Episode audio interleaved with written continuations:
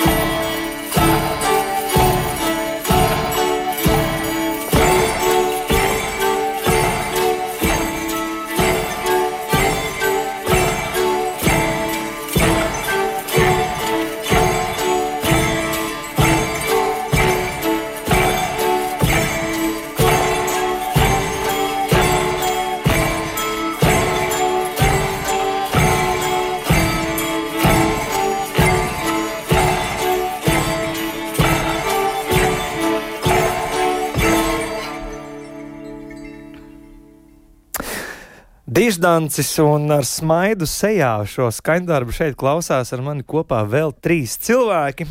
Šodien studijā esam aicinājuši etnomuzikologus Ievu Vīveru un Valdi Muktupāvelu. Labrīt! Labrīt, labrīt! Un uh, Dini, uh, Dinu Liepu, kur teica, viņa nav etnomuzikoloģi, bet um, kultu, folkloras grupas laiksne dalībniece. Jā, labrīt. Jā, labrīt. Salgrieža nedēļa, Ziemassvētku nedēļa, un arī debesis jums mums ir piešķīris pilnmēnesi vēl šīs nedēļas izskaņā. Tā kā pietiekami intensīvās sajūtās. Kas jūs tik ļoti uzjautrināja klausoties šo ierakstu, kurš ir tapis 81. gadā? Nu, klausīties šo bez smaida šobrīd ir grūti, jo tur pamazām, tai mm, diždanča melodijai, kas ir ļoti noprimitivizēta, uh, sāk pievienoties vēl klabekļi, grabekļi, sitekļi, pīkšķekļi un visādi citādi ekļi. Nu, tur izveidojas tiešām tāds um, graboši, klabošs um, skaņu apaudums ap diždanča tēmu. Ieva un Valdis ir um, arī autori akadēmiskam pētījumam, mm, kurš ir pārvērsts arī rakstā, akadēmiskā rakstā, nopublicēts Slovēņu akadēmiskajā žurnālā Tradiciones. Es pareizi runāju. Un uh, šajā gadījumā no sešu autoru kolektīvu divi ir šeit. Vārds autentiskums tur tiek nu, analizēts līdz, līdz molekulām šajā gadījumā, un tieši pētniecības skar šo laika posmu, 70. un 80. gadus, kā folkloras atzimšanas mirkli, vēl tajos laikos, nu, kad kaut kam mums svētam atzimt bija pietiekami grūti šajos platuma grādos, ja padomju savienībā. Un šajā gadījumā jājautā, kādēļ autentiskuma meklējumi folklorā joprojām ir svarīgi. Šajā gadījumā jūs domājat, kāpēc to pētīt? Pētīt, un, piemēram, Salgriežu un Ziemassvētku sakarā, un tā kā atkal celt ārā un, un, un runāt par to. -hmm. Un nevis tikai kopu vai, vai folkloristu iekšienē, bet nu, ar, ar, ar, ar sabiedrību. Nu, jā, es atbildētu tā, ka es uz to skatos vairāk kā pētnieks, vērojoši. Um, nevis kā aicinātājs būt autentiskiem un būt uh, kā izpildīt mūziku kādā konkrētā stilā, bet man liekas, ka kā pētniekam tas ir ļoti vērtīgi un arī sabiedrībai par to aizdomāties, jo tā autentiskuma ideja uh, ļauj runāt par to, kas ir pats vērtīgākais un kas piešķir nozīmi cilvēkiem, kāpēc viņi to dara, un bieži viņi to izsaka vārdā autentisks, nu vai arī citos līdzīgos vārdos, piemēram, īsts, patiess, sens. Nu, tur ir ļoti daudz un dažādi sinonīmi, ko lietot šim vārdam. Tā kā, jā, manuprāt, tas palīdz aizdomāties un saprast, kas mums tiešām ir svarīgi. Nu, piemēram, kad mēs uh, uh, praktizējam folkloras. No otras puses, raksts sākumā tad, tad šeit jāmin, ka pētījums ir lielāks, ilgstošāks process, un šis raksts ir tā kā tāds tād aizberga, tad, tad, tad secinājumu daļa būtībā. Un jūs citējat muzikologu Alanu Mūru, kurš saka, ka vārds autentiskums ir ļoti pielādēts, līdzīgi arī kā sinonīmi šim vārdam. Tad, tad respektīvi, autentiskuma, autentiskuma meklējumi joprojām ir sprādzienu bīstami. Mazliet arī varbūt Iespējams, tas vārds pat ir pārāk daudz lietots un, un jau tāds apnicis, un liekas, nu, ko tur vēl var par to pateikt. Tik daudz diskutēts un tik daudz muļāts, ka varbūt pietiek. Tā kā es, nu, vai arī būs tāda mūzikas stila, kur teiks, ka mums vispār tas nav svarīgi, un varbūt skatīsies ironiski uz šo vārdu. Nu, tādā ziņā viņš ir tik pielādēts ar diskusijām, emocijām, nozīmēm, ka, ka reizēm tiešām vēl ir grūti par to tā viegli runāt.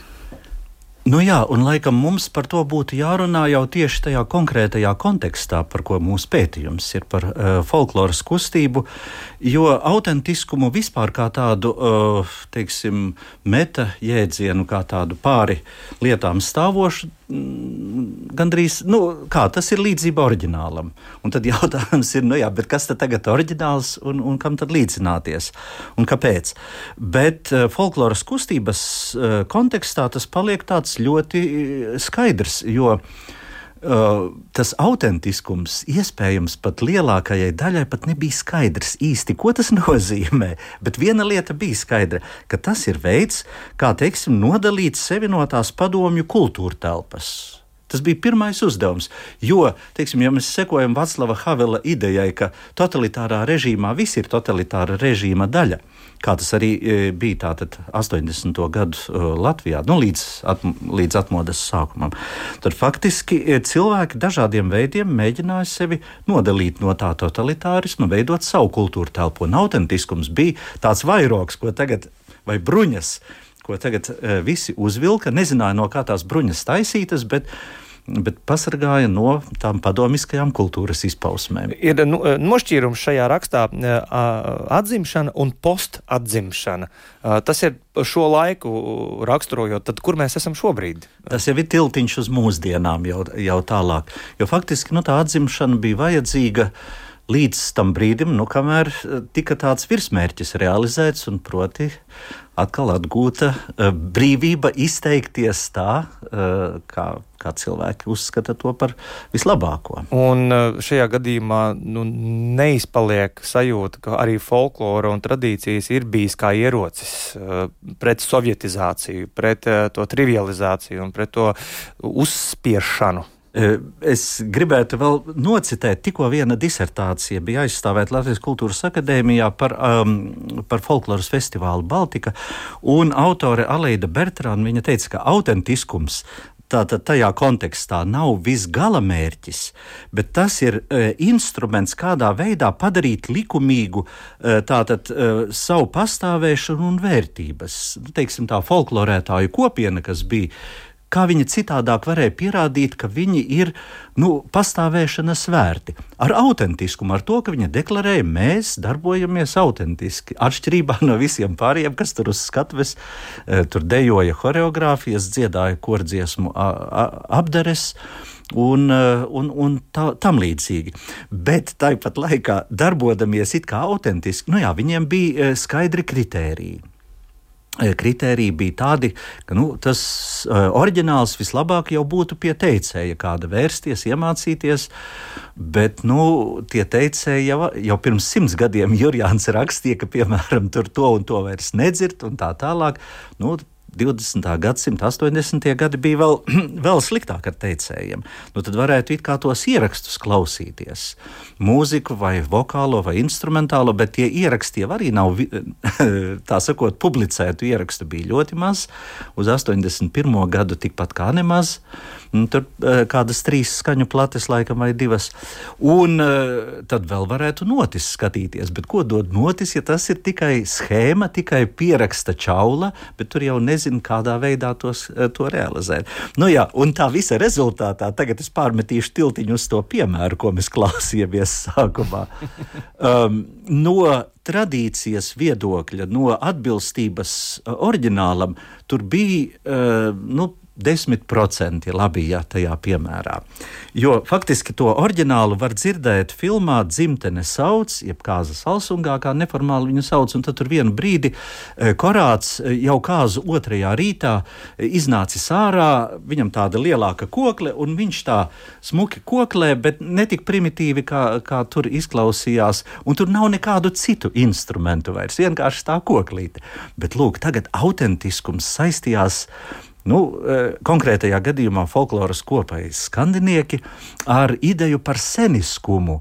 Tātad, e, jo senāks, jo autentiskāks. Nu, kas senāks, tad tur atkal tāda evolūcionistiska teorija par instrumentiem, ka tātad sitamie ir tie senākie instrumenti, un tad nāk pūšamie, un tikai tāds stīguins, tad vajag tā, tos senākos instrumentus pielikt klāt. Arī skaņu plates nosaukums, no kur tas skanēja, bija senie balsi. Nu, lūk, un tagad vi, viss senais komplekts ar visādām klabatām, grabatām un visu, ko tur pienāca. Jā, nu šis ir ārkārtīgi būtisks uh, akcents, jo um, es vēlreiz atcaucos, nu, mazliet negodīgi ar radio klausītāju runāt par rakstu, ko, ko klausītājs vēl nav lasījis, bet uh, tad, tad šie akcenti ir ļoti, ļoti būtiski, jo man nepamat sajūta, ka mēs varējām arī zaudēt lielu, daudzu, lielu daudzumu satura, ja nebūtu notikuši konkrēti notikumi pirmās atmodas laikā, padomju laikā, 70. un 80. gados, kā jūsu minētais un aprakstītais 78. gada šis te, mm, kā viņi pareizāk nosaukt, tas nebija koncerts, tā bija tāda tā kā tā kā muzikālais kongress. Ja? Tas bija liels garš koncerts 78. Jā. gadā, toreizējā Dēls teātrī, kur etnogrāfiskie ansambļi un teicēji bija saicināti Rīgā. Un šķiet, pirmo reizi Rīgā galvaspilsētā bija tik liels tās nu, autentiskās, neapdarinātās folkloras. Eh, Lūk, un šeit jāmin to, ka es nemaz nezināju, ka bija tāds amats kā Padomju Savienības eh, komponistu uh, priekšsēdētājs Ramānkungs, ja, kurš bija pateicis, ka nebūs nekāda patapināšana, ja, ka, ka, ka viņš, viņš to tā kā iestājies. Un tas, tas ir bijis risks šādi te, tik drosmīgi. Uh, Nu, tā bija jauna lieta. Viņa gan jau bija aizsākusies jau Lietuvā, Igaunijā, nu, un arī toreizējā centrā Krievijā jau bija tā ideja, ka vajag folklorai skanēt arī neapdarinātā veidā. Un, un, un tad arī tas ar Jonu nāca iekšā Latvijā, un tad kopš 78. gada iebildi zinātniskām vajadzībām. Jā. Vārds sakot, eh, padomju laikā šīs liet, par šīm lietām varēja runāt, bet bez sociāli aktīva konteksta. Tas, eh, to par varītēm centās noņemt nost. Krievijā nebija šis sociāli aktīvais konteksts. Bet toties tas bija pa pilnam Lietuvā, Igaunijā un Latvijā visbeidzot arī. Un par, so, par, par aktīvo kontekstu runājot, no tā laika uz šo mēs varam teikt paldies tiem darbiniekiem un tiem drosminiekiem, ka mēs šodien varam ar šādu saturu turpināt un varbūt arī radīt kaut ko laikmetīgāku. Es gribēju vēl piebilst tieši par to skandināvu ierakstu, ka viens bija varbūt tas sen, senais, bet otrs, ka viņam jau ļoti svarīgi bija piedalīties un iesaistīt pēc iespējas vairāk cilvēku, lai to kustības spēku vairot. Un te var just, ka tur katrs var piedalīties ar savu grabekli, klabekli vai kaut ko. Tas pat bija tāds aicinājums, ik viens ir aicināts piedalīties, un tieši tā. Ziema, ziema, ziema, ziema, ziema, ziema, ai bagāti Ziemassvētki leņķi nogājuši, ai bagāti Ziemassvētki leņķi nogājuši, leņķi nogājuši. Takat jauni, takat veci, valkat svētkus kalniņai, takat jauni, takat veci, valkat svētkus kalniņā, valkat svētkus kalniņā. Zima, zima, zima, zima, zima, zima. Nedziniet gaišu guni, laidiet dievu istabā, nedziniet gaišu guni, laidiet dievu istabā, laidiet dievu istabā. Dieviņš brauca pār kalniņu sudrabotu metelīti, Dieviņš brauca pār kalniņu sudrabotu metelīti, sudrabotu metelīti.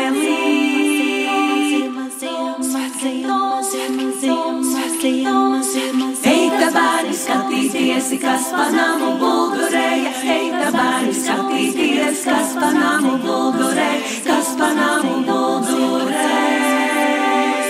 Ziemassvētki namus lauka, visus traukus cilādam, Ziemassvētki namus lauka, visus traukus cilādam, visus traukus cilādam. Zima, zima, zima,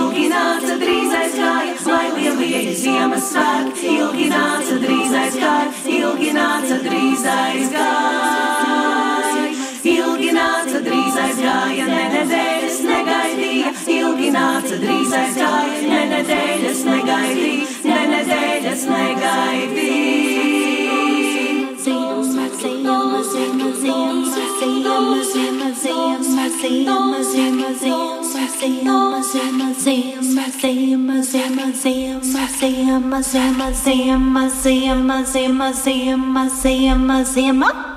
Nu, pat dzirdējāt folkloras grupu Laiksni, un ar mums kopā ir eh, Dina Liepa, eh, folkloras grupas Laiksni dalībniece. Kā jūs savā kolektīvā, mm, kad radāt materiālu, ko jūs ņemat vērā? Šis jau tāds diezgan laikmetīgs pieejams. Uh, jā, bet mēs esam jau auguši arī ar visu, līdz ar visu šo attīstību, kā savā ziņā arī ar, nedaudz arī ar pētniecību, jo mm, kad mēs sākām, tad, tad uh, mums tie bija arī 90. gadu sākums. Uh, tad mums bija svarīgi, svarīgas autoritātes, kas tobrīd tradicionālajā kultūrā darbojās, un, un mēs uzklausījām viņu viedokli. Uh, Tad bija nākamais posms, kad mēs pārgājām uz rakstīto materiālu. Nu, ne tikai, bet nu, pārsvarā uz rakstīto materiālu un notis ņēmām no krājumiem. Tad nākamais posms, ka mēs jau klausījāmies teicēju materiālā un tad liekam klāt savas, sa, savu interpretāciju. Un šobrīd ir tā, ka mēs jau esam arī līdz teicējiem, mums ir ļoti nonākuši līdz teicējiem, un mums ir ļoti svarīgi saprast, no kurienes nāk tā melodija. Uh, respektīvi, lai mēs to, eh, jo mūsu tai, tai izpausmē melodija ir būtiskākā, eh, un tā apdara jau ir mūsu mm, mm, devums tai, tai dziesmai.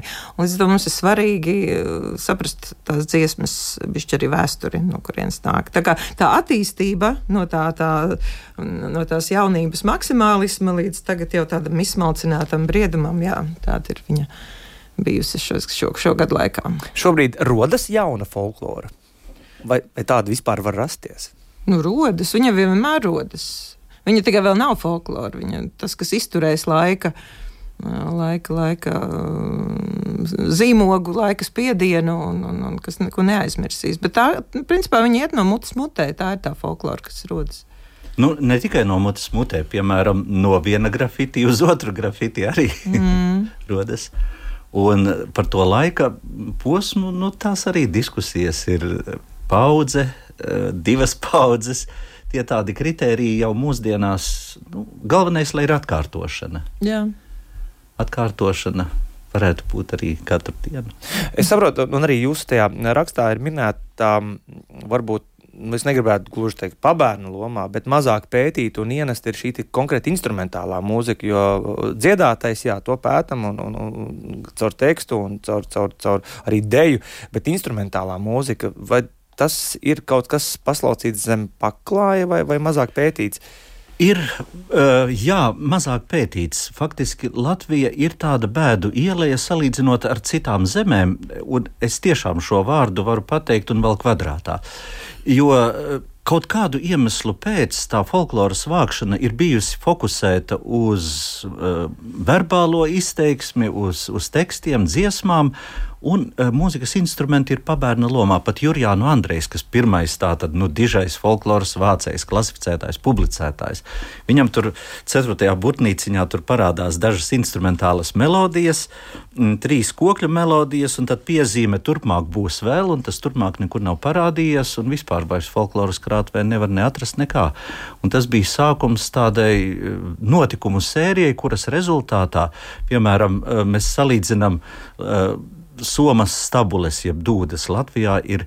Nu, tā tad Igaunijā somas stabuļi ir apmēram 150 ieraksti. Uh, Latvijā ir viens. Uh, Savulaik ilga reizniece gribēja tautiskās ko, ko, uh, vijoļošanas grāmatu taisīt. Uh, meklēja, cik tur ierakstu ir. Nu, piemēram, Lietuvā ir desmit tūkstoši evalds Vīčins pētnieks man savulaik teica, uh, dažādu tautisko vijoļošanas ierakstu. Latvijā ilgi izdevās sagrabināt kādus pāris desmitus, ne vairāk, un tas arī viss. Nu, vienkārši tā atšķirība ir traģiska. Ko tagad dara folklorētāji? Tātad šeit iztrūkst oriģināls. Nu, tātad tiek darbināta fantāzija, tiek darbināta intuīcija, un instrumentālajā mūzikā lielā mērā intuīcija ir vadījusi eh, mūzikas instrumentu atzimšanas procesu. Bet kā varbūt Dina var komentēt, eh, kāda tad ir tā principiāla atšķirība? Tas jau nav tikai tāpēc, ka kāds nedzied un šī mūzika kļūst instrumentāla, viņa arī no kompozīcijas ir savādāka. Nu, es par to piebilstot par tiem, eh, tas, tas viņš valda. Uh, principā ir tā, ka šobrīd ir tāda apvienība kā skaņu māja. Uh, kura ļoti nodarbojas tieši ar uh, instrumentālās mūzikas, tradicionālās instrumentālās mūzikas popularizēšanu un izglītošanas darbu, kas ir ļoti svarīgi. Tāpat arī Oskars Patjānko taču ir uztaisījis to fantastisko trad arhīvu, kurā ir uh, tieši muzikantu ieraksti savākti un, un, un principā publiski pieejama, pieejama datu bāze, kurā ir iekšā gan violētāji, gan, gan harmoniku spēlmeņi. Tā kā es domāju, ka no ilga, pēc ilgas tas, tas, tas arhīvs ir paplašinājies un tās iespējas, bet droši vien pateicoties arī tam, ka kāds to sāka kādreiz darīt. Bet vai, vai instrumentālā muzika pazu, pazu, pazūda interpretācijā? Ir jāzina pamats, nu, ir, ir jābūt tam iekšējam, katra individuālam pētījumam, un tad no tā pētījuma izējot, tur arī var sākt uh, oranžijas veidot un, un, un improvizēt. Un. Būtībā labs, uh, labs pieejams vienmēr ir tāds, ja tu gribi ar tradīciju nodarboties, tev jā, jāapgūst vispirms, jāzina kas stilistiski tur ir, kādā veidā tur tiek veidota tā muzicēšana. Tad tu vari veidot uh, savējās, tā sakot, brīvākas uh, variācijas par šo tēmu, un tu iespējams, ka būsi tajā tradīcijā iekšā. Jo viņa jau, man liekas, tā uh, fizi fizioloģiski viņa jau nav pazudusi. Viņa mūsos visos ir. Mēs kaut kā kolektīvā atmiņā, man liekas, nu, darbojas. Gan ir, gan nav. nu, Uz ko, Būtībā uz, uz, ar jaunākiem instrumentiem, jā, eh, ko, te, piemēram, Oskars Patjanko, skaidrs, ka tās sermonikas ir, nu jā, uh, tur ir tā tradīcija, viņa ir, uh, viņa vēl gaisā, viņa vēl tātad šeit ir. Tieši tāpat arī varētu teikt par cītarām, cītarkoklēm, nu tā vēl nav tik daudz zudusi, kā kā citas. Runājot par nesenāko, kā no tā raksta var saprast nesenāko, kāpēc tik e, īpaši ir izceltas spēka dziesmas? Viņas ir piedzīvojušas kādu īpašu uzvaras gājienu pēd, pēdējā nu, desmitgadē. Kaut kādā ziņā jau jā, jo tā grāmata spēka dziesmas jau ir ļoti pārdota, daudz pārdota, bet nu, mēs vienkārši sapratām, ka nebūtu pareizi ignorēt teiksim, tās, to visu spēku dziesmu fenomenu, vai arī, nu, ja plašāk skatās tādas nu, tā sauktās ezotēriskās izpratnes un meklējumus par folkloru. Un, nu, mēs sapratām, ka mēs to nevaram ignorēt, jo, ja tas tik ļoti daudziem cilvēkiem ir svarīgs, tad par to arī ir jārunā un tas arī ir jāpēta. Tāpēc mēs arī vienu nodaļu uzrakstījām par spēka dziesmām. Un par to, kā viņi meklē autentiskumu. Un, un tur, nu, tur Facebookā viņi, jūs viņus nošķirat? Jā, nē, nu, katram jau ir sava kaut kāda pieeja, ko viņš meklē. Un vienam varbūt tā ir vairāk tāda meklē sevi vai meklē kādu latviešu kodu vai vēl kaut ko. Šī... Jebkurā gadījumā tas, ka spēka dziesmas kā fenomens tur ir tajā rakstā. Sākums jau, jebkurā gadījumā, ir folkloras kustībā, kopš pirmsākumiem, jo tad arī bija ļoti svarīgi, teiksim, kaut kādā veidā definēt, ka mums ir jārūpējas par to, lai mums būtu spēks stāvēt pretī, stāvēt pretī tai baisajai sistēmai. Uh, Un, eh, līdz ar to uh, vienalga kāda dziesma varēja kļūt par spēka dziesmu. Savulaik mēs skandiniekos, piemēram, tur savācamies jauniešu grupiņu un nu, ņēmām no buramvārdiem vienu buramvārdu un tad kopā gandrīz stundu tur viņu tā rečitējām. Jā, kam tu pats notici? Tas tik īpatnēji redz, ja ir kam pretoties, rodās arī, nu, tad ir, ir viegli rasties kaut kam, kaut kādam pretsparam, bet mūsu laikos, kad to, to, to ienaidnieku mēs tik skaidri neredzam vairāk. Kā šodien rodas? Uzkonstruēt ienaidnieku var vienmēr. Globalizācija. Jā. Milzīgs pretinieks iespējams cilvēkiem. Nu, tas man liekas, ir tāds, tāds, tāds, tāds spēka dziesmas, ir tāds individuālais, katra cilvēka individuālais projekts, kur viņš liekas, ka tas repertuārs ir tas, kas viņam palīdz šai pasaulē rast harmoniju. Bet jūs jūtat, ka šo jaunāka paudze me, e, to savu identitāti meklē caur folkloru, caur autentiskumu? Nu, man, ir, man ir grūti spriest, jo tas burbulis, kurā es darbojos, es teiktu, jā, bet tas ne, neaptver visas Latvijas ne, sabiedrību. Jā. Man ir pulkā, pulkā tā, ka ir tur iesaistīti pāris tūkstoši bērnu. Pāris tūkstoši. nu, bet, bet tas uz Latvijas fona tas ir nedaudz. Jā. Tā ir. Uh, laikam varētu teikt tā, ka folkloru meklē, bet vai autentisko tas ir kaut cits jautājums. Jo, piemēram, ja paskatāmies tagad cilvēki, jauni cilvēki, kas darbojas folkloras lauciņā, viņi visbiežāk mēģina darboties tā, tajā, ko sauc par postfolkloru. Postfolkloru vai mūsdienu folkloru, nu, teiksim, tie apzīmējumi dažādi. Tas nozīmē, ka viņiem ar autentiskumu ir tāds ļoti uz jūsu tās attiecības. Bet varbūt tas, tā, tā, tas arī ir tas tilts. Bet, zini, es ticu, ka viņi aizies tāpat kā mēs jaunībā sākām ar, arī ar to krāšņoto spožo, kas nāk jau, kas jau ir gatavais, un pēc tam mēs gājām dziļāk. Bet tas, ko jaunieši vēl dara, viņi dejo. Ļoti daudz danču ir, danču mīļotāju. Vēl viena patīk, tradīcija, jā, un tā, pie tā mēs noteikti pieskārsimies raidījuma otrajā daļā. Šobrīd teikšu jums lielu paldies. Lielu paldies par sarunu. Es tā jūtu, ka mēs tikai knapi ieskrējāmies runājot par šo plašo tēmatu. Paldies Valdim Muktupāvelam, Ievai Vīverei un Dinai Liepai un uh, gaišus rāmus jums šos svētkus. Paldies! paldies, paldies visu labu! Arī.